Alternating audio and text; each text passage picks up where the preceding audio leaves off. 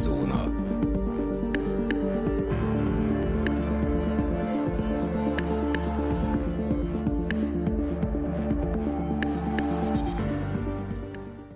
Köszöntjük a kedves hallgatókat, ez itt a Szürke Zóna Podcast, a mikrofonnál Rezső, valamint állandó vendégem, Dani. Sziasztok!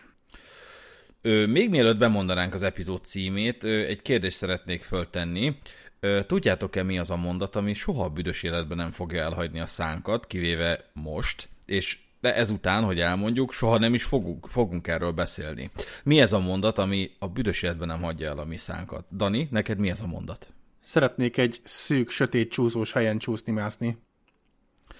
Nagyszerű. Az én részemről ez két ilyen mondat van. Az egyik az az, hogy alig várom, hogy újra a közbeszerzéssel foglalkozzak, a másik pedig az, hogy menjünk barlangászni. Ö, oka van annak, hogy Dani és én egyáltalán nem ö, ö, fontolgatjuk azt, hogy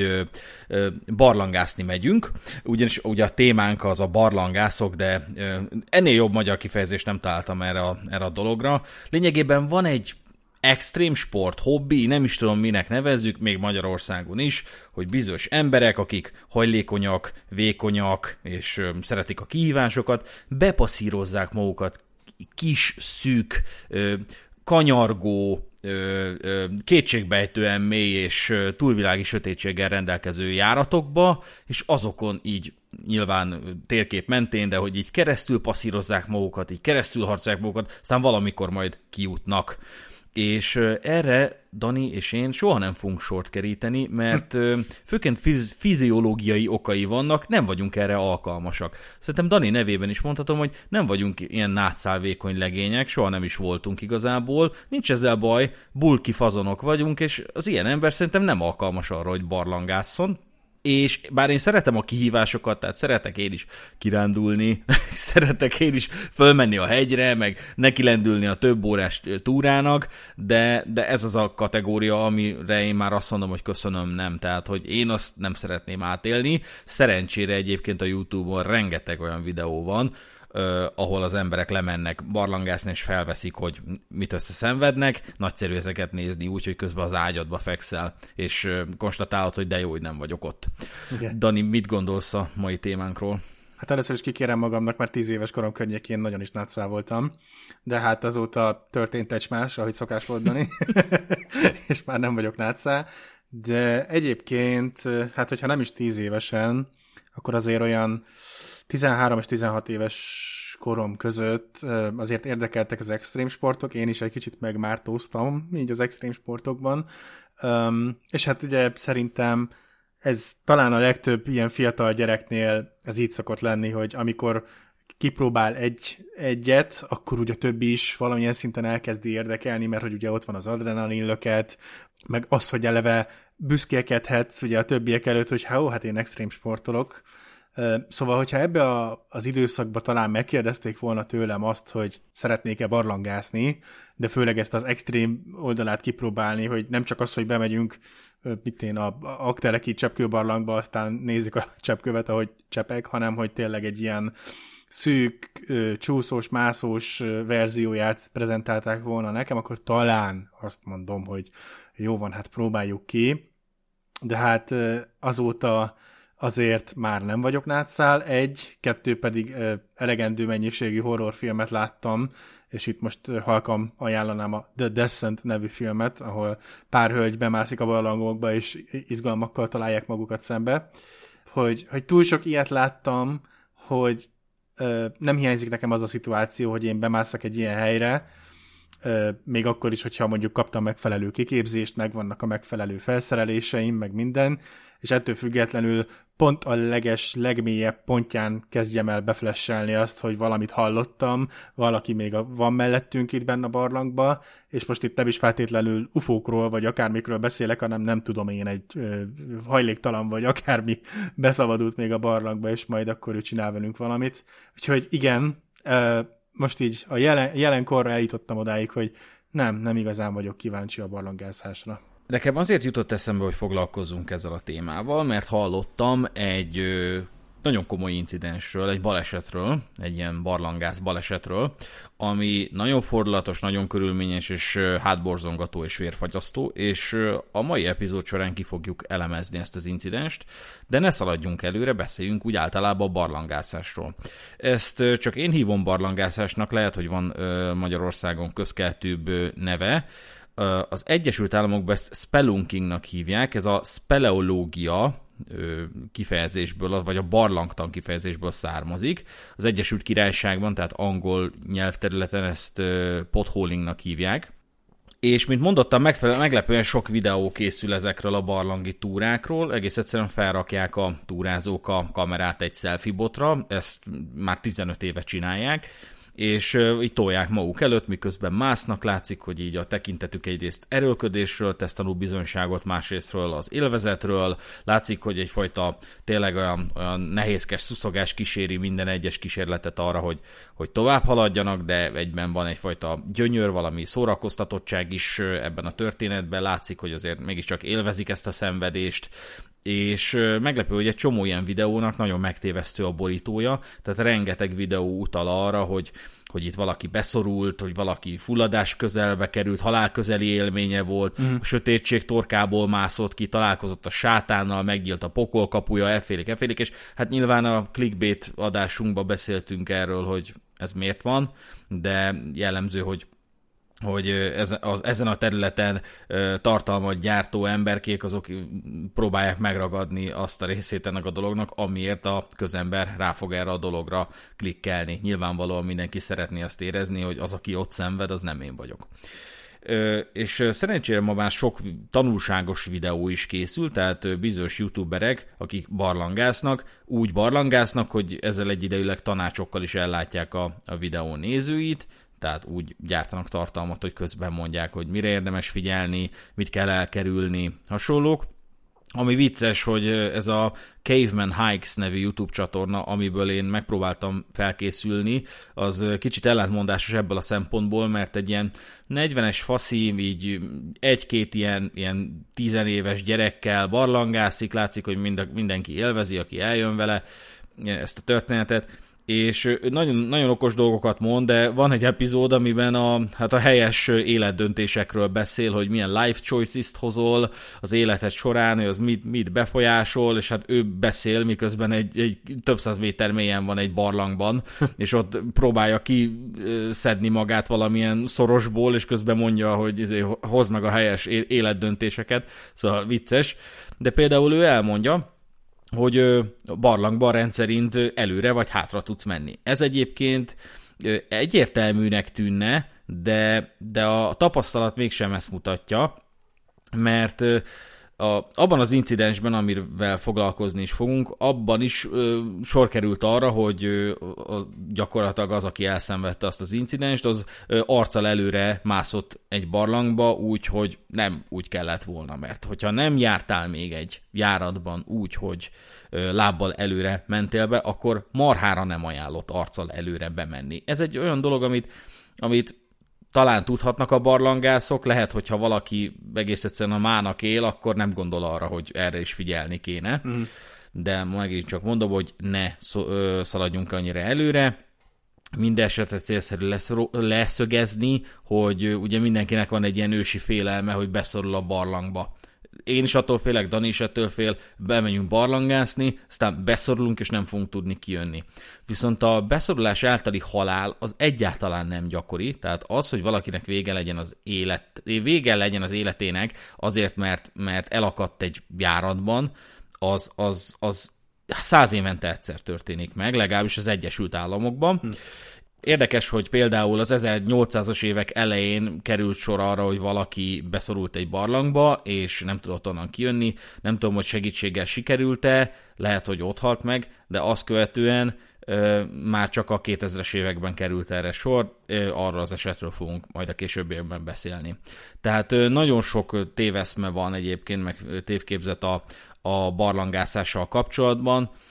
én magam sem tudtam, én pár éve találkoztam barlangászokkal, amikor Lilafüreden jártam, és azt se tudtam, hogy miről beszélnek. Tehát, hogy, hogy ők mennek így barlangokba, hát igen, Lilafüreden van egy csomó barlang, én is megyek, hát el, e, nyilván megveszem a jegyet, bemegyek, ott elmondják, hogy melyik cseppkőnek milyen formája van, meg hogy hívják, és aztán élem tovább az életemet, és nem igazán értettem, hogy, hogy, hogy mi az, amiről ők beszélnek, és csak amikor néztem ilyen videókat, akkor értettem meg, hogy, hogy ez micsoda, hogy így tényleg olyan járatokba préselik be magukat, ahova én sem merném, de ők meg simán belemernek préselődni. Nekem egyébként tök érdekes, hogy így pszichológiailag is nagyon fura belegondolnom abba, hogy valaki miért szeret barlangászni, mondjuk egy hegymászáshoz képest, mert ugye, hogyha belegondolsz, akkor a hegymászásnál az a célod, hogy eljuss a csúcsig, hogy, hogy, hogy legyűrjed a hegyet magát, és ezzel egy olyan pontra kerüljél, ahova nagyon kevés ember jutott el. Tehát, hogy érted, hogyha egy grafikonon nézzük meg, akkor is egy fölfelé ívelő dologról beszélünk, és most nyilván nem feltétlenül minden barlang erről szól, de hogy ott meg egy minél sötétebb, lefelé ívelő útvonalat szeretnél megtenni, és valahogy mégis azt érzed, hogy, hogy ez egy olyan cél, amit, amit kevés ember ért el. Úgyhogy nyilván mind a kettőnek megvan a maga szépsége, a kihívásai, és hogy, hogy ez a diadal érzet, ez miért van ott a végén, csak ez csak egy ilyen gyorsan gondoltam beszúrom, hogy számomra ez egy tök érdekes jelenség volt, hogy, hogy ha egyébként nem is csak a barlangászásban, de egyébként végül is tényleg a, a, az élet sok a, ilyen kihívásaiban miért találja meg az ember a szépséget. Ennél én nem tudtam rájönni, tekintve azt, hogy nem is másztam még soha így komolyabban barlangba, de még elnézegetve is,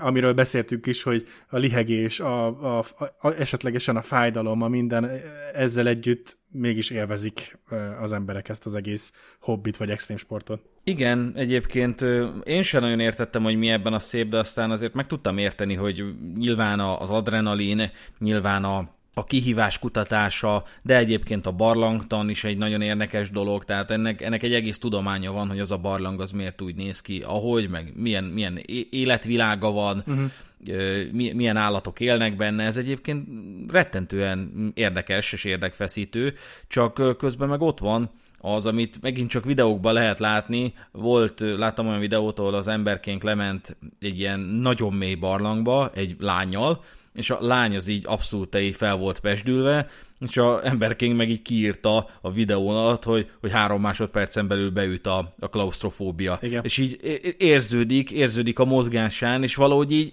a néző is elkezdi érezni, hogy igen, ott vagy lent, ott vagy lent egy, egy, egy nagyon szűk kamrában, iszonyat sötét van, nyilván van ö, lámpád, de ha nem lenne, akkor az maga lenne a rémálom, és, és igenis beüt az az érzés, hogy, hogy, hogy megfulladsz, hogy össze, összeroskadsz, és ö, nekem egyszer volt ilyen érzésem, én ö, airsoftoztam, ö, tehát éppen az airsoftozás művészetét folytattam, nem úgy értem, hogy te nem, mert te is airsoftoztál, de, de, de én éppen egy, egy vidéki pályán játszottam, és valamilyen pincébe mentünk a különítményemmel, most nem akarom ezt túl misztifikálni, de, de bekerültünk egy olyan helyzetbe, hogy ilyen sorba álltunk, egy ilyen lépcsőn akartunk fölmenni, és a legelől lévő az arra várt, hogy mikor tud kijönni a, a, ebből a pincéből, hogy mikor tiszta a levegő, és akkor megtámadhatjuk a, a belülévőket. És, és én a lépcső azon fordulójában maradtam, ahol, ahol semmit, de semmit az ég egy a világon nem láttam. Tehát, tehát gyakorlatilag olyan érzése lett az embernek, mint hogyha megvakult volna, megvakultam volna, mintha meghaltam volna. Szó szerint egy ilyen túlvilági sötétség. Szabályosan elkezdtem hiperventilálni, és, és elkezdtem motyogni, hogy valaki csak egyet villancson a lámpájával. Tehát, hogy nem is kérem azt, hogy kapcsoljátok fel a lámpát, csak egyet vill, hogy tudjam, hogy hol a francba vagyok, meg mi, mi van előre, mert egész egyszerűen nem találom magam. És szokták is mondani, hogy ha barlangászni mész, akkor a, a, a lámpáknak a minimum száma az kettő, de a profik azok már 10-20 lámpával lámpával és ennél több elemmel is mennek barlangászni, mert tehát az, hogyha kifogy, a, kifogy az elem a lámpádból, és nincs több lámpád, az a halál. Tehát nem lehet kijutni, ráadjon a pánik, beüt a klaustrofóbia, és minden, úgyhogy, úgyhogy nagyon sok ilyen okosság van egyébként, és ilyen videókba közé is teszik ezeket. Igen, hát pont az a videó, ugye, ahol a, a csávó kezdik kellemetlenül érezni magát, ott volt ez a, a az érzésem, hogy, hogy úristen azért ez a, ezek az ilyen pánikroham, meg ilyesmi. Még, még szerencséje van, hogy nem, talán írja is, hogy egy 10, 10 percig ott még üldögéltek, meg ugye próbálta lenyugtatni magát, hogy ez így összejött, mert hogyha egy olyan igazi pánikbeteg vagy, vagy nem is tudom, hogy ráter egy igazi pánikroham, akkor azért az nagyon veszélyes tud lenni, hogy te ott főleg elkezdesz megpróbálni gyorsan kimászni onnan, felsérted a bőrödet, beakad a lábad, vagy valami, úgyhogy sajnos ez megint egy olyan helyzet, hogy hogy mondjuk a hegymászáshoz képest nyilván az sem a legegyszerűbb szituáció, de ott legalább egy tág környezet van körülötted, és, és legalább fel tudod fogni a világot, és nem az van, hogy egy sötét lukban ülsz egy zseblámpával, és hát nyilván mondjuk a párod vagy a társad próbál téged nyugtatni, de hát tudjuk, hogy azért sokszor ez nem feltétlenül segít, és akkor ott vagy bezárva is, és egyszerűen csak a pánikod egyre erősebb és erősebb lesz. Igen, és ugye, mint mondottam, az, hogy beszorulj a barlangba, annak kicsi a realitása, az, hogy vadállat támadjon meg, annak is kicsi a realitása, mert nem mennek be a vadállatok a, a, a barlangba. Nyilván vannak denevérek, de az nem reális veszély, de annyira sötét van, hogy, hogy tényleg nem megy be semmilyen normális vadállat és annak sincsen realitása, hogy eltévedjél a barlangba, tehát ez, ez valójában nem egyezik meg a közfelfogással, ezek a veszélyek nem, igazából nem reálisak, sokkal nagyobb veszélye van annak, hogy bevered a fejed, mert ugye nagyon csalókák a hirtelen tágulónak tűnő csarnokok, mert az az érzésed, hogy így felállhatsz végre, hogy így exponenciálisan tágul a barlang, akkor most ez az a pont, ahol értemszerűen egy teljes körű kinyújtózásra van lehetőség, és hát nem, bevered a fejed, és hát azért a sérülésekről el kell mondani, hogy egy olyan sérülés, ami a felszínen könnyen ellát, lelátható, az egy barlangban életveszélyes is lehet. Uh-huh. Ráadásul ö, a csapatod és a barlang, vagy a barlangászok jó hírét csorbítja, hogy, hogy beverted a fejedet, el, elcsesztél valamit, rosszul léptél, és gyakorlatilag életveszélyes helyzetbe kerültél. Persze ez csak mellékes, de, de az a legnagyobb ö, problematika, hogy bármilyen sérülés értéged, irreálisan hosszú várakozásra kell számítani. Tehát egyrészt vége van a, vége van a túrázásnak, tehát vége van a barlangászásnak, másrésztről valakinek el kell mennie segítséget hívni, mert nem fognak tudni téged kivonszolni, mert hát te is kell lesz ahhoz, hogy kihuss a barlangból. Másrészt egy speciális szakértelem kell ahhoz, hogy téged ki menekítsenek onnan, tehát nem csak a sima mentőknek kell kijönnie, hanem a barlangi mentőknek, akik Magyarországon is vannak egyébként, egytől egyig önkéntesek, és valamennyien barlangkutatók, ha jól tudtam, mert ez a, ez a szakértelem ez kell ahhoz, hogy valakit kimentsél a barlangból és hát mire ezek kijutnak hozzá, hát lemegy az életed. Tehát, hogy, hogy egy vagy két óra lehet szerintem, mire, mire ellátnak. További veszélye a barlangászásnak, hogy leesel, mert nagyon sok a hirtelen lejtő, illetőleg a legnagyobb veszély az az, hogy nem tudsz segítséget hívni. Ezt ugye a meggondolatlan emberek követik el azt a hibát, hogy nem szólnak, nem szólnak ismerősöknek, nem beszélik azt meg, hogy mikor fognak bejelentkezni, hogy végeztek a barlangászással, nem csoportosan mennek, pedig iszonyatosan fontos, mert a barlangászás az egy csapatmunka, uh-huh. és hát egész egyszerűen nem teszed meg a szükséges előkészületeket, akkor nem fogsz tudni segítséget hívni. Eleve egy csomó barlang ugye magánterületen van, és a landowner, tehát a birtokos, a területnek a birtokosa több esetben megköveteli azt, hogy regisztráljanak az emberek a, a, a barlangba, tehát ezzel megelőzhető értelmszerűen a tumultus, ami ugye bizonyos extrém sportok esetén életveszélyes lehet, másrésztről lehet tudni, hogy ki van lent a barlangba. Tehát ez azért elég fontos. És mint mondottam, sokan igazából nem tudják, hogy a, a barlangászás az egy csapatmunka,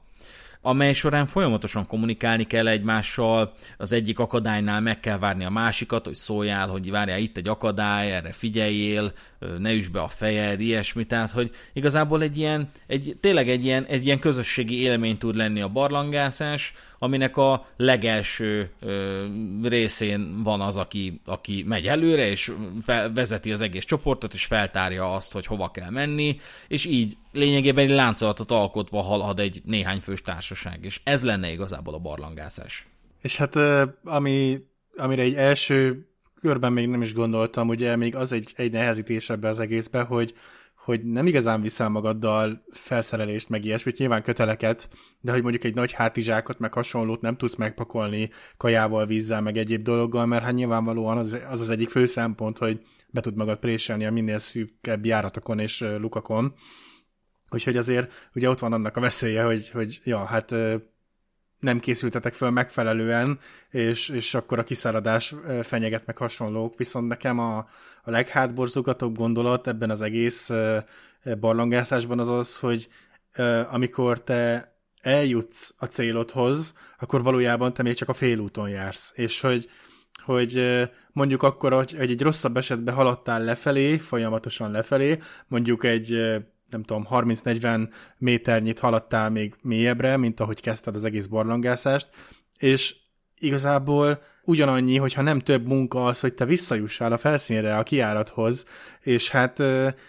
mondjuk, hogyha egy tucat különböző pont van, ami ugye veszélyes pontnak minősül, mert hogy ott van a legszűkebb járat, vagy ott van a legcsúszósabb rész, akkor azért na most ezt mind egy másik oldalról kell megtapasztalnod, hogy, hogy na most akkor hogy, hogy mennyi lát egy, egy ellentétes irányból, úgy, hogy megint csak ne sérüljél meg, meg ne akadjál be sehova. És azért, amikor megint csak nézegettem ezeket a szűkebbnél szűkebb járatokon átmenő embereket, akkor csak ez jutott eszembe, hogy azért volt egy-két példa, ahol mondjuk kicsit élesebbek voltak a sziklák, meg a kőzet, meg tényleg egy eléggé csúszósnak tűnt, voltak olyan helyek, ahol melkasig benne voltak a vízben, és azért ez megint egy olyan pont, hogy, hogy fogalmat sincs, hogy mi van a lábad alatt, és hogy mennyire biztonságos az egész, úgyhogy azért igen, rettentő sok lehetőséged van a hibára, és arra, hogy, hogy komolyabban megsérülje. Ha kiindulunk abból, hogy az elővigyázatosság hiánya az, ami a legnagyobb problémákat tudja okozni a barlangászás során,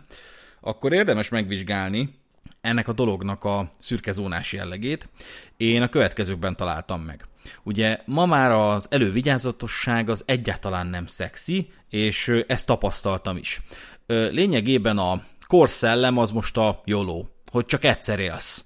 hogy ak- akkor vagy igazán élő, akkor érzed ezt a, ezt, a, ezt a világot, hogyha teljesen vakmerően mindenbe benne vagy, nem, nem gondolkodsz a következményekkel, nem vagy elővigyázatos, nem teszed meg a szükséges lépéseket, hanem fejjel előre hadd szóljon, fejest ugorni az életbe, csak egyszer élsz, nem tudom ez egyébként miért van összefüggésben, tehát hogy, hogy pont azért kéne elővigyázatosnak lenni, mert csak egyszer élsz, nem azért kéne kihagyni most, tehát nem, az egyszer élszből nem az, fel, nem az következik feltétlenül, hogy fogd meg a söröm, érted? Hanem, hanem az, hogy, hogy, hogy, hogy, hogy, hogy ez biztonságos, megvizsgáltunk, anyám telefonszáma megvan, jó van, oké. Okay. Tehát, hogy így ezek. És hogyha elkezdesz ilyen lenni, hogy azért, azért óvatosan gyerekek, azért hülyeségeket ne csináljunk, azért ezt gondoljuk meg, e, e, egész egyszerűen elkezdesz azon gondolkodni, hogy mik a kockázatai ennek a dolognak, alapvetően magas kockázatai vannak, alapvetően sok minden olyasmi történhet belőle, amiből baj származik, és ennek hangot adsz, akkor te vagy a paranoiás fasz. Tehát te vagy a alusisakos, idióta, aki tényleg nem tud egyről a kettőre élni, mert hogy tényleg te, kimersz lépni egyáltalán a házból? Ez most komoly? De ilyen, tehát ez, ezzel kell szembesülnie annak, aki, aki egész egyszerűen elővigyázatos. Nyilván valahol ezt tolerálják. Nekem az a tapasztalatom, hogy amikor elkezdtem foglalkozni az információbiztonsággal, akkor én is felvettem azt a erre a szakmára tipikusan jellemző paranoiát, hogy azért váltogass rendszeresen a jelszavaidat, meg ne írd fel sehova, meg, meg mit mindenki az adataidra pályázik, legyél már egy kicsit megfontolt, munkahelyen is mondta hogy a portásnak, hogy ne engedjen már azért be mindenkit, hanem azért szűrjön már, meg legalább szóljon fel, hogyha valakit beenged, meg, meg ilyesmi, és akkor én voltam a paranoiás idióta, és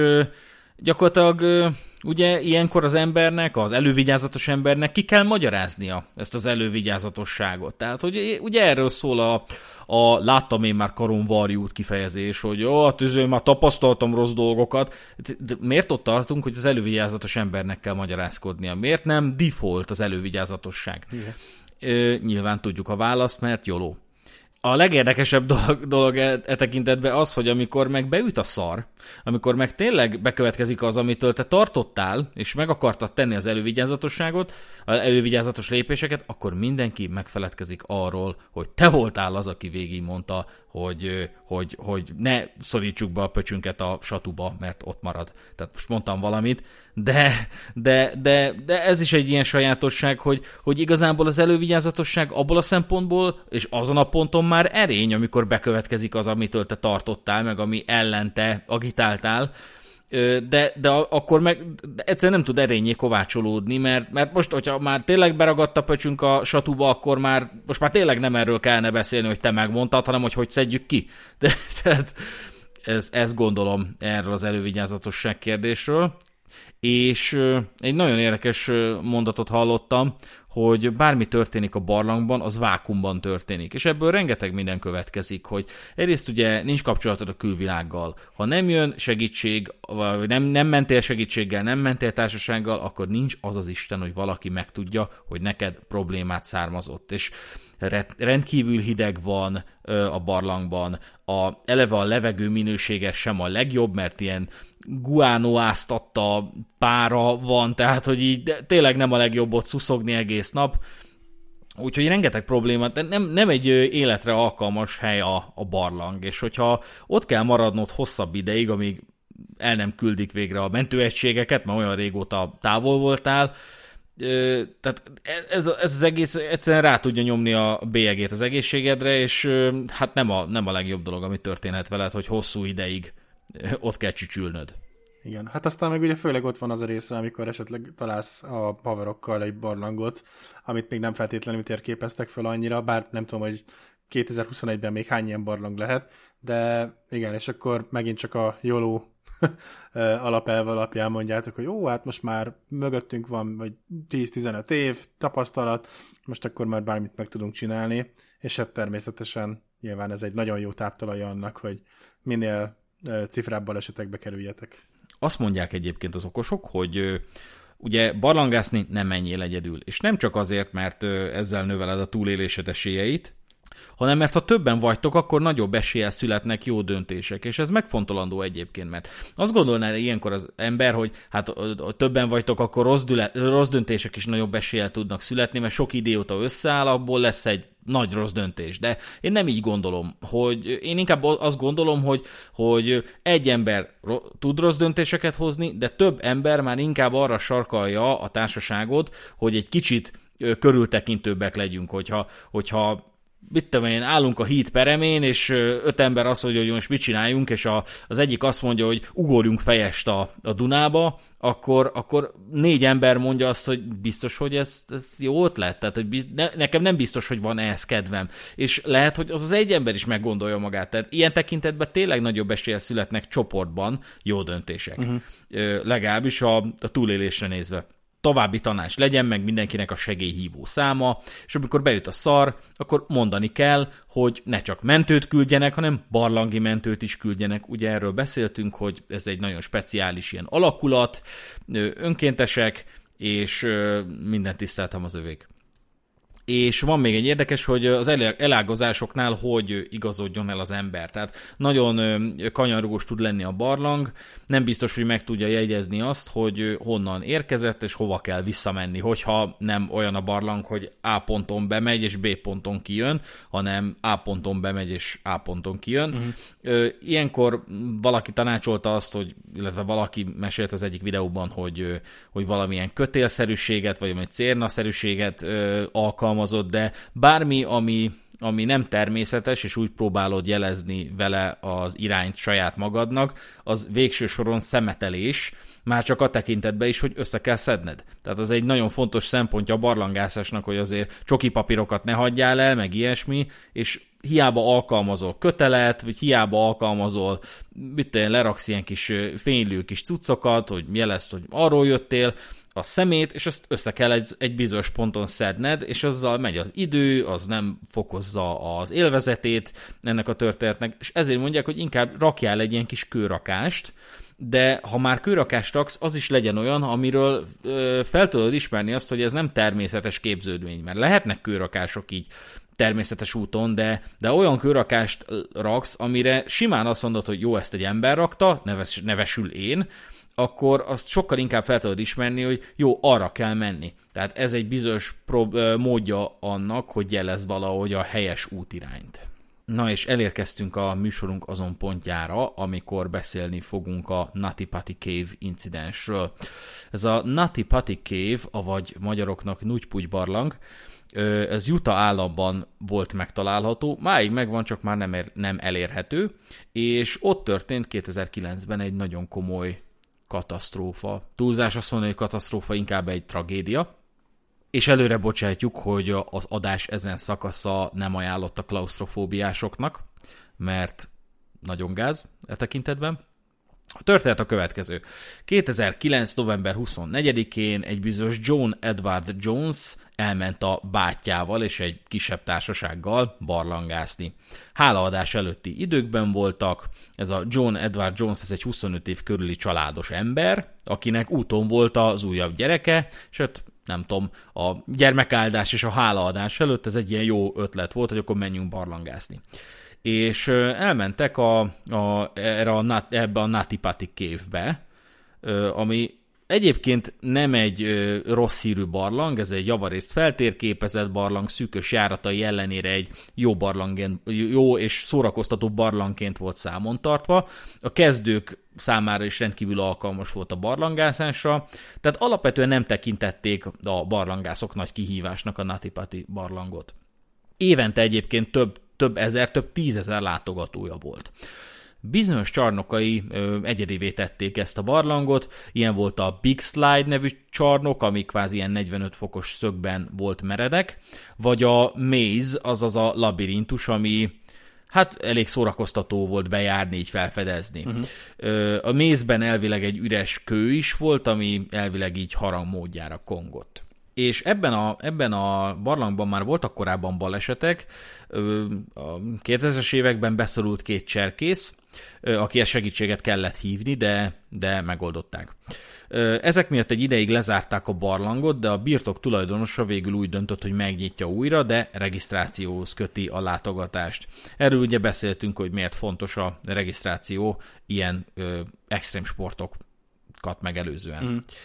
Legalább egy órán keresztül simán ment a barlangászás, olyan reggel 9 körül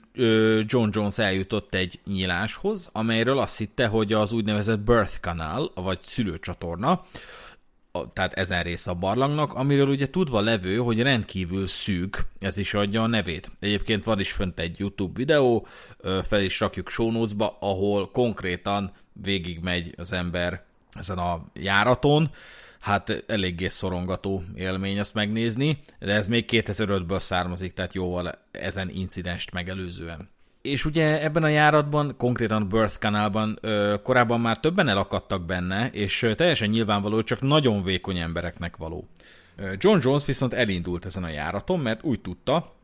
hogyha végig harcolja magát, akkor lesz hova kiútnia. Ez tudva levő a Birth Canalról, tehát annak van bemenete és van kiárata.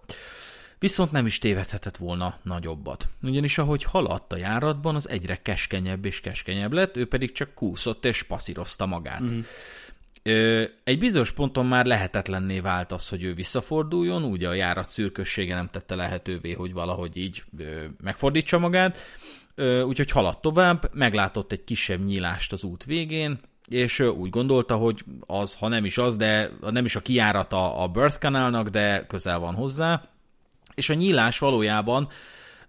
az úgynevezett Corkscrew nevű feltérképezett járatba vezetett, tehát ő valójában ebben a járatban ment, ami nem volt feltérképezve, és ennek egy oka van, hogy túl szűk volt. Uh-huh. Tehát az, aki feltárta a Natipati kévet, az nem tudott már tovább menni, ezért soha nem derülhetett ki, hogy arra mi van. Viszont John az annyira kitartóan ment, tudván és abban bízva, hogy ki fog jutni abból a szűk járatból, hogy hát nem is tudta, de valójában zsákutcába ment. És ez önmagában nem lenne fatális, viszont ismerni kell a körülményeket. John fejjel előre passzírozta be magát. A járat, amiben bekerült, való, szinte teljesen vertikális volt, tehát lényegében fejjel lefelé kezdett már kúszni John, és méretét tekintve kisebb volt, mint egy elöltöltős mosógép. És aztán eljött az a pont, amikor John beragadt de nem is akárhogy, ebbe a szűk kis lyukba úgy rakad be, hogy az egyik kezét maga alá szorította, a másik keze meg hátul. Tehát gyakorlatilag teljesen képtelen arra, hogy megmozduljon, bemaradt egy fejjel lefelé lógó állapotban, egy szűk lyukba, ahonnan nem tudott visszamászni. Meg se tudott mozdulni és hát ekkor szólt a testvérének, aki ugye nem volt a közelében, mert John Jones nem tudta azt, hogy igazából láncolatba kellene haladni, hanem el, elindult teljesen szabadon, hogy akkor itt lesz a Birth Canal, én ezen keresztül majd megyek, és hát nem az volt, nem tudott neki senki se szólni, hogy ez nem a Birth Canal, hanem valami teljesen más. Mm. Akkor jött a testvére, ki megpróbálta kihúzni, de csak nagyon kis mértékben tudta egyáltalán megmozdítani őt. Tudni kell, hogy az ilyen akadályokat az esetek többségében megoldják a résztvevők, sőt, segíteni is ritkán kell az elakadt barlangásznak, mert hogyha van elég ideje egy ilyen beszorult emberkének, akkor kitapasztalja, hogy hogy kell mozogni, kitapasztalja, hogy hogy kell forogni, ö, leküzdi egy kicsit a pánikját, és addig-addig tekereg, amíg, amíg így legyőzi ezt az akadályt. Végső soron már nyilván segíteni is kell neki, sőt, hogyha a, a, a közvetlen segítség nem alkalmas arra, hogy kiszedje őt a szorulásból, akkor, akkor hívni kell a hegyi mentőket, de mondom, erre ritkán kerül ö, sor, és ezért nem is volt életszerű, hogy ebből bármi probléma származzon. Ö, a testvére Josh elment segítségért, egyébként nagyon szeretik az ilyen Joe kezdetű neveket a, ebben a családban, úgy tűnik. Ö, tehát ő elment segítségért, addig a csapatból valaki ott maradt Johnnal ugye tudható, hogy az ilyen ö, kimenekítés az órákat is jelenthet, mert egyrészt kiút a haverod, vagy jelen esetben a testvéred kiút a barlangból, ez rengeteg idő, felhívja a mentőket, elmagyarázza, hogy hol van, azok megtalálják, tudatosul bennük, hogy barlangi mentő is kellene, azokat összeszedik, azok eljönnek, felszerelkeznek, szintén bemásznak, na és akkor vagyunk ott, hogy tudnak neked segíteni. Tehát ez rengeteg idő és hát fejjel lefelé lógva pár perc is nagyon rossz tud lenni, ezt tudjuk. Igen. Nem csak órák, de John az valami, hát ennél jóval több időt töltött fejjel lefelé. Az első önkéntes, aki kiérkezett a helyszínre, az Suzy Motola volt. Próbálta beszéltetni John-t, miután bejutott hozzá, nem csak azért, hogy szellemileg megnyugodjon, hanem a légzést is képes normalizálni a beszéd, álláspontom szerint meg tudja előzni a hiperventilációt az, hogyha így, így, így a beszédre figyelsz, és nem arra, hogy nem kapsz levegőt, vagy valami. Suzy Motola mindent megpróbált, amit tőle tellett, még a, a Johnnak a nadrágját is szétdarabolta, hogy azt se akadályozza, de közel két óra elteltével ö, annyira kimerült, hogy kénytelen volt visszamenni a felszínre, sikertelenül, nem a felszínre menés volt sikertelen, hanem a, a, a mentőakció. Addigra rengeteg ember összegyűlt a felszínen, mentési szakemberek, hivatalos szervek, egyfajta brainstorming kezdődött, hogy hogy szedjék ki onnan John-t. A média és a család is megérkezett, a hivatalos szereplők megnyilatkoztak a tévének, ezek a felvételek máig visszatekinthetők, és eléggé szívszorító nézni őket úgy, hogy, hogy tudod, hogy közben John ott van lent ebben a szűk kis lyukban, túlvilági sötétség veszi körbe, minden egyes egy eltelt perccel jobban szenved, és nem tud megmozdulni, valami diabolikus az elképzelés. Hát amikor bedobtad ugye ezt a témát, és megnéztem ezt a videót, ami úgy nagyjából összefoglalja Johnnak a, ezt a történetét, akkor ugye nekem ez volt az első gondolatom, hogy, hogy vajon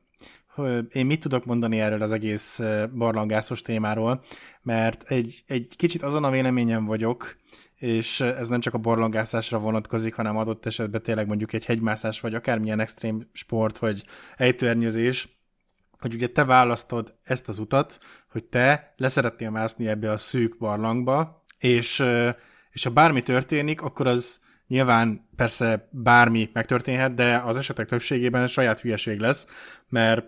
a korábban beszélt dolgok alapján, hogy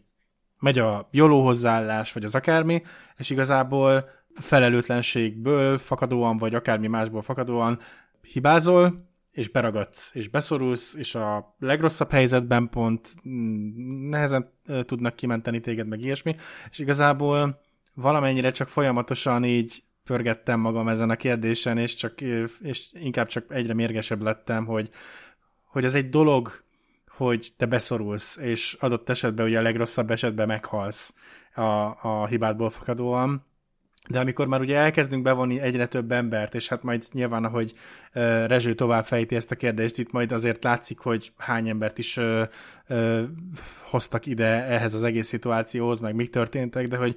amikor már önkéntesek, meg a családod, meg a mit tudom én, mindenki akar neked segíteni, és az ő életüket is veszélyezteted a saját hülyeséged miatt, akkor az a baj, hogy én nem feltétlenül tudok elnéző lenni, százszázalékosan, mert itt nem arról van szó, hogy mondjuk egy, egy butus gyermek beesik a, a mély kútba, amit felelőtlenül nem zártak le, hanem, hanem te tudatosan úgy döntöttél, hogy te le fogsz ide mászni, és tudod, hogy vannak pontjai a rendszernek, amit nem feltétlenül térképeztek föl,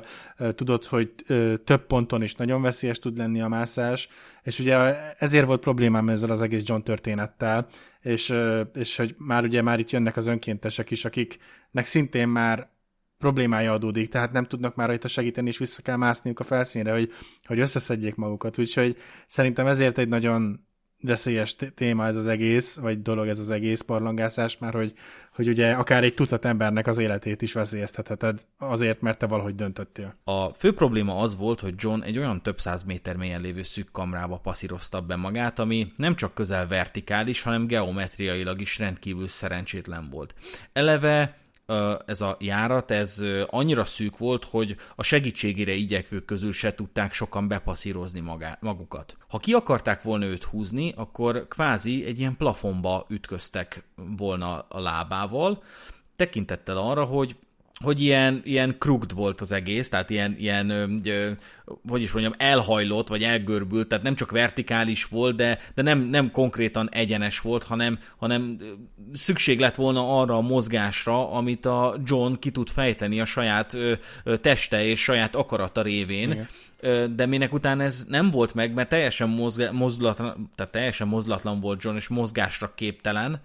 ezért csak azt tudták volna csinálni, hogy kihúzzák a, a lábánál fogva, de azzal beakadnak a plafonba, és a lábát nem tudták úgy behajlítani, hogy ezt, a, ezt az akadályt ezt valahogy így elkerüljék. Tehát nem lehetett volna őt kihúzni ebből a gödörből, anélkül, hogy eltörniék a lábát, viszont hát ez volt az utolsó dolog, amivel próbálkozni szerettek volna. Idézzük fel Aaron Ralston esetét, aki ugye a 127 óra szól róla, talán, nem tudom, akinek beszorult egy szikla alá, vagy szikla mellé, mit tudom én, a, a karja, és nem szólt senkinek, nem jelezte senkinek, hogy arra fog kirándulni, nem is jött értelemszerűen segítségére senki, nem tudta egész egyszerűen elmozdítani a legminimálisabb mértékben sem azt a hatalmas sziklát, és nyilván a legelején neki is megfordult a fejébe, hogy le kell vágni a karját, már csak azért is, mert 24 óra elteltével már érezte, hogy, hogy te, lényegében vérkeringés nélkül maradt az a végtag mm. egy teljes napon keresztül, tehát ha kimenekül, akkor se fogja tudni használni és uh, saját bevallása szerint is azt mondta, hogy, hogy tudta, hogy adott esetben szóba jöhet ez a karlevágás téma, de ha szóba is jön, az az utolsó dolog. És hát itt is ez volt, hogy tudták, hogy a lábtörés az szóba jöhet, de az utolsó dolog, ami megtörténhet. Viszont más körülmények megelőzték ezt a kísérletet. És ugye hozzá kell még tenni, hogy a barlangászásnál tudtommal hatalmas szerepe van annak, hogy hogyan tekereg az ember. Mint kvázi amikor egy bútort ki akarunk vinni egy jóval kisebb ajtón, két ember próbálkozik vele, és folyamatos a munka, hogy te ezt emeld innen, te ezt told onnan, te tekert felém, te húzd alám, tehát mit te, micsoda, és az embernek a bútorral szemben van egy nagyon előnyös tulajdonsága ebből a szempontból, hogy nem csak irányítani tudja magát, de fiziológiailag tudja befolyásolni az integritását, és ez azt értem, hogy lényegében a légzésével is tud dolgozni. Tehát például barlangászoknál nem ritka az a művelet, hogy amikor egy nagyon szűk résen kell keresztül passzírozni magadat, és nem férsz át, akkor megcsinálod azt, hát ők legalábbis megcsinálják, hogy kiengedik az összes levegőt a tüdejükből, hogy ezzel olyan mértékben megslankítsák a törzsüket, hogy tudják venni az akadályt, és át tudják passzírozni magukat egy nagyon szűk lyukon. Na és John így vette be ezt a járatot, és azért döntött így, mert, mert akkor úgy tudta, hogy nem kell kalkulálnia azzal, hogy visszafele kell haladni, mert abban a hiszemben volt, hogy ennek a, kiár, ennek a járatnak egyszer vége lesz, egyszer kiút innen. Igen. Ugye a mentőegység tagjai számos kísérletet tettek arra, hogy kiszedjék őt onnan. Az első terv az volt, hogy kifúrják a, az akadályozó sziklákat, de több, órán, több órán át tartó munkával sem tudtak ez irányba hatékony lépéseket tenni, ráadásul minden törmelék végül is Johnhoz érkezett le a, a lyuknak a mélyére, ahol ő éppen akaratlanul tartózkodott. A következő ötlet az volt, hogy egy ilyen emelőcsiga rendszert alakítanak ki, amivel kiemelik valahogy, ezzel felváltva a pusztán emberi közreműködéssel történő kihúzást, tehát lényegében ilyen kis csörlőket, csigákat rögzítettek a barlangnak a falához, és úgy megpróbálták azt kivitelezni, hogy rákötik a kötél végét a Johnnak a lábára, és úgy kiemelik. Eleinte sikeresnek tűnt ez a próbálkozás, bár hatalmas fájdalommal járt John számára, ennek pedig oka, hogy a vér már sokadik órája a fejébe tódult, ami nem csak a szervezetére vonatkozó megterheléssel jár, de akár vakságot is képez képes okozni elvégre a, ez, a, ez a fajta sok, vagy ez a fajta presszió, amit gyakorol a vér ilyenkor az érzékszervekre, az abból ez is tud következni. Ráadásul ugye tudva levő, hogy a gravitációnak is hatalmas szerepe van a véráramlásban, tehát az emberi testet alapvetően úgy találták ki, hogy a talpán áll, és lefelé húzza a gravitáció. A szervezete, a biológiája és a genetikája is ehhez igazodott. Uh-huh. Hogyha ez megborul, akkor a szív elkezd túlműködni, annak érdekében, hogy eljutassa a vért a test minden szegletébe, ami egyébként szívrohamhoz is vezethet, vagy egyéb szívhez kötődő problémákhoz. Továbbá a végtagok érzékenyebbé válnak, mint ahogy az is fájdalommal jár, amikor egy, egy elzsibbat lábra próbálunk ráállni. Igaz, akár egy 20 perces zsibbadás is olyan fájdalommal tud járni, hogy felsírunk. El nem tudom képzelni, hogyha valami órákon keresztül zsibbad, akkor az mivel járhat. Emellett a tüdőre nehezedő szervek is légzési problémákat tudnak ilyenkor okozni, ami egy ennyire szűk hasadékban, mint amilyenben John volt, nem, el, nem elhanyagolható körülmény. És ez csak egy olyan minimális ismeret, amit most elmondtam, amit lehet tudni arról, hogy mi a, a szervezetre gyakorolt hatása a hosszú távú fejjel lefelé függesztettségnek, de alapvetően, ha jól tudom, az orvostudomány azért annyira nem tárta még fel ezt a kérdést, mert nem volt rá alkalma, tehát hogy nem igazán kísérletezett azzal, hogy így 40 órán keresztül függesszen fel embereket mivel John egészségügyi szakra járt, tisztában volt viszont ezekkel, tehát tudta, hogy semmi jó nem tud abból kisülni, hogyha ő ö, túlzott ideig fejjel lefelé lóg azon a, abban a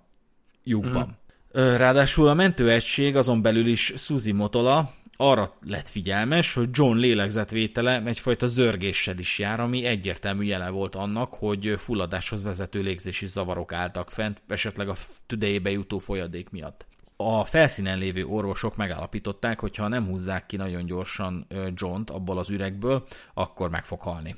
Azért mindentől függetlenül meg, hogy megvan a véleményem erről az egész esetről, azért valahol lenyűgöző, hogy az emberi test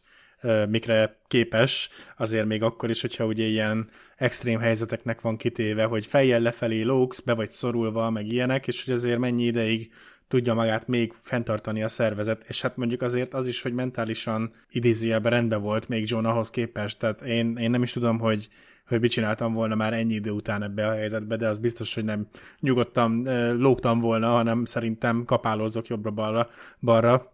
úgyhogy azért legalább annyi, hogy volt egy, egy ilyen jelenléte, hogy, hogy nyilván azzal csak rontaná saját helyzetét. Ugye a mentés elsődleges célja ezen a ponton már az volt, hogy legalább addig kiemeljék john hogy megszűnjön a tüdejére nehezedő teher, tehát az a terhelés feloldódjon, ami a tüdejét célozta. A lába továbbra is akadályozta abban, hogy haladjanak a kihúzásával, mert ugye, mint mondottam, nem tudta elhajlítani úgy, hogy át lehessen húzni az egyik kitüremkedésen, ráadásul azon a szoroson, amin úgy passzírozta magát keresztül, hogy kifújta az összes levegőjét, most megakadt, mert egyszerűen nem tudta kivitelezni ugyanazt a mutatványt. Ez szerintem törv- törvényszerű. Nem tudom, volt-e valakinek ezzel tapasztalata. Nagyon sok olyan ö, mémet lehet látni, hogy ki kell flexelni a korlátok közül a gyereknek a fejét, mert ö, kis gyerekek szórakoznak a lépcsőnek a korlátjával, átdugják a fejüket a két korlát közötti résen, de kifele már nem tudják húzni, Igen. és hát ilyenkor jön a, a caretaker, a gondviselő, vagy gondnok, hozza a flexet, szépen kifűrészeli az egyik ilyen ilyen korlátot, aztán mehet a gyerek a dolgára. Nekem volt ezzel élményem, én kiskoromban ezt a műveletet megcsináltam, hogy bedugtam a fejem két korlát közé, viszont konstatáltam is, hogy ajaj, ez kifele már nem megy, meg, mert ugye megakad a fülben, tehát hogy nagyon hivogató az a két korlát, hogy dug keresztül rajta a fejed, de, de amikor ki akarod húzni, akkor egész egyszerűen érzed azt, hogy, hogy ez befele ment, de kifele már nem megy, és hatalmas szerencsém volt, hogy az egyik osztálytársam így ült a lépcsőn, és így mondta, hogy na mi van, nem tudsz kijönni, és így teljes erővel kinyomta a fejemet oh. a korlátok keresztül. Megpusztultam a fájdalomba, de, de az a fájdalom elenyésző volt ahhoz a megszégyenítéshez képest, ami akkor várt, hogyha nem tudom kihúzni, és nem segít ez a, ez a osztálytársam, úgyhogy ez egy izgalmas történet. Na, folytatván a sztorit, az emelőrendszer első ízben mondta fel a szolgálatot egy bizonyos ponton, amitől John visszaesett a kiinduló pontra. Ez még nem volt akkor a sok számára, ez talán egy talán egy következetes folyamánya is volt egyébként a kísérleteknek, mert hát nem lehetett nyilván teljes körű, illetve teljes értékű ilyen helyzetben, meg egy ilyen barlangban, mert nem hiába hívják ezt a barlangot Nati Pati kévnek, mert nutyputy, hát ilyen izé, ilyen, ilyen, ilyen, ilyen, ilyen szmöttyös a fal, tehát egész egyszerűen nem maradnak meg benne a befúrt dolgok. Mm. És ezen a ponton, mivel kezdett komolyan beütni John számára a pánik és a halálfélelem, hoztak egy kommunikációs eszközt, hogy legalább a feleségével tudjon beszélni. Közben újraépítették az emelőszerkezetet, amivel sokadik kísérletre, de sikerült elérni, hogy olyan magasságig kihúzzák John-t, hogy szemkontaktus lehessen vele létesíteni. Ilyenkor már majdnem egy napon keresztül, azaz legalább 19 órán át volt fejjel lefelé a hasadékba szorulva. Felfoghatatlan. Igen. Szörnyű. És, és hát igen, ilyen, ilyenkor van az, hogy már egyre gyorsabban és gyorsabban kell reagálnia mindenkinek, mert hát tényleg a, fogy az idő, mert egyszerűen a szervezet már nem bírja föntartani a harcot, ugye a gravitációval, meg mindennel, úgyhogy el sem tudom képzelni, hogy milyen lehet, mert tényleg már majdnem 20 órája egy ilyen helyzetben lenni. A beszámolók alapján a szeme relatíve vörös volt, az arca koszos, de egyébként úgy tűnt, hogy John rendben van. Ekkor is csak hitetlenkedett az elmondások alapján, konkrétan azt mondta a segítőknek, hogy nem hiszi el, hogy fejjel lefelé van, és megegyezte, hogy nagyon fájnak a lábai. Nagyon közelének tűnt mindenki számára a menekülés, hiszen egy ugye, ahogy beszéltük, iszonyatosan atipikus kimenetele a barlangászásnak az, hogy beszorulsz és meghalsz. Tehát nem, nem gyakori. Viszont ekkor a negyedik kihúzási kísérlet alkalmával következett be a katasztrófa. Az emelő szerkezet egyik eleme megadta magát, és valósággal kirobbant a falból. Ezeknek a, a berendezéseknek a, a, az okán lényegében az egyik, a mentőcsapat egyik tagja az fejsérlés szenvedett, amit szintén el kellett később látni, John pedig visszaesett a lyukba,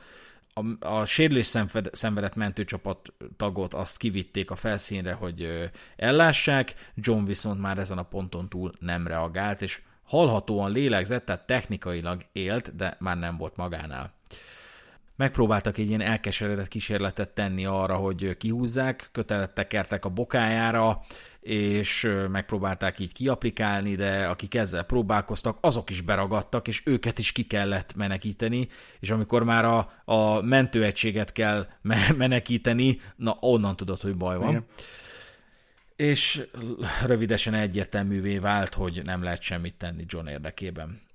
Egy mentőorvos végül beharcolta magát a lyukhoz, és megállapította, hogy John, mint egy 28 órával azután, hogy beragadt,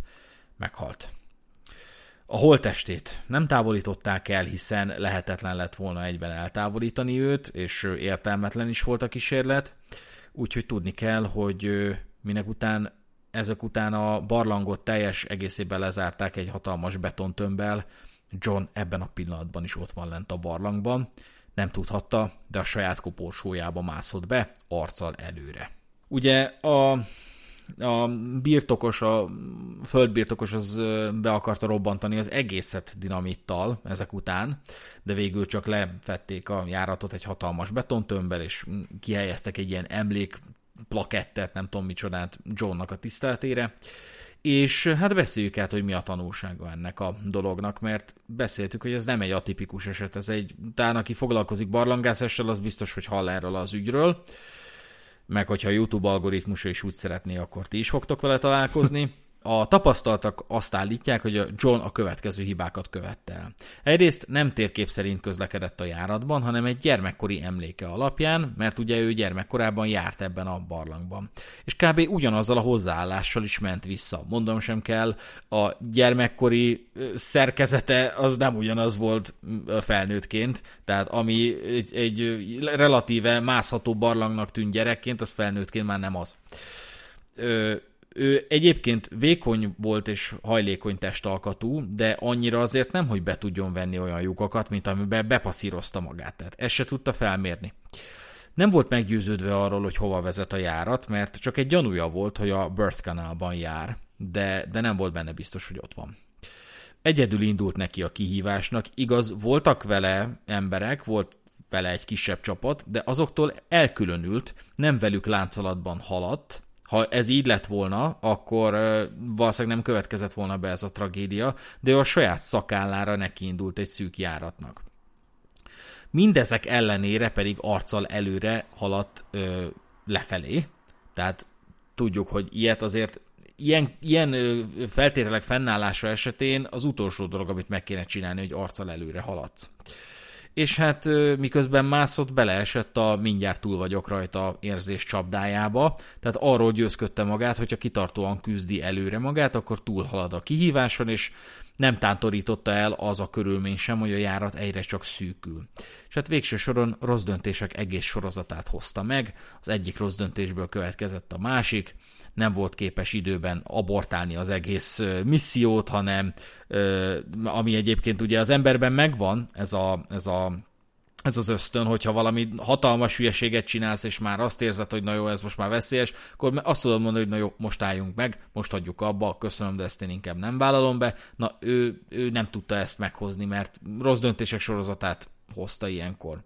Tehát ez az ebből baj lesz érzés, nekem ennyi elég volt érzés, nem érkezett el, és ez, vezet, ez vezetett többek közt az ő halálához, a tragikus halálához. Én ennél borzasztóbb halált nem is nagyon tudok mondani. Tehát ez, ennél minden jobb, mint tehát, tehát ez, ez, hogy beragadsz a saját koporsódba, mm. több száz méter mélyen a föld alatt, egyedül, mozdulatlanul, a vak sötétben, fejjel lefelé, ez, ez maga a pokol. Az, maga, az élő és lélegző pokol. Igen, és hát nyilván többnyire már maximum a szavaimat tudnám ismételni, de hát ha valaki ilyesmire vállalkozik, akkor szerintem egyértelműnek kell lennie, hogy safety first, mert ugye a biztonság mindenek fölött és mindenek előtt kell, hogy legyen, és, és szerintem mindenképp gondoskodni kell arról, hogy, hogy minden olyan ö, hülyeséget, hibát, tényezőt, ami rajtad múlik, azt elkerült, mert persze hirtelen időjárás változással, meg spontán földrengéssel, meg egyébben nem nagyon tudsz mit kezdeni, tehát ha rádomlik a barlang, akkor rádomlik a barlang sajnos, de, de szerintem most ennek a példának a hallatán is, meg úgy egyébként is rettentő fontos, hogy tényleg a, a safety first legyen az elsődleges. Erről a tragédiáról készült egy közepesen rossz filmfeldolgozás. Egyébként nagyon sok ilyen 15 perces dokumentum irányú videó van fönt a YouTube-on érdekesek, sokat meg lehet tudni erről az ügyről,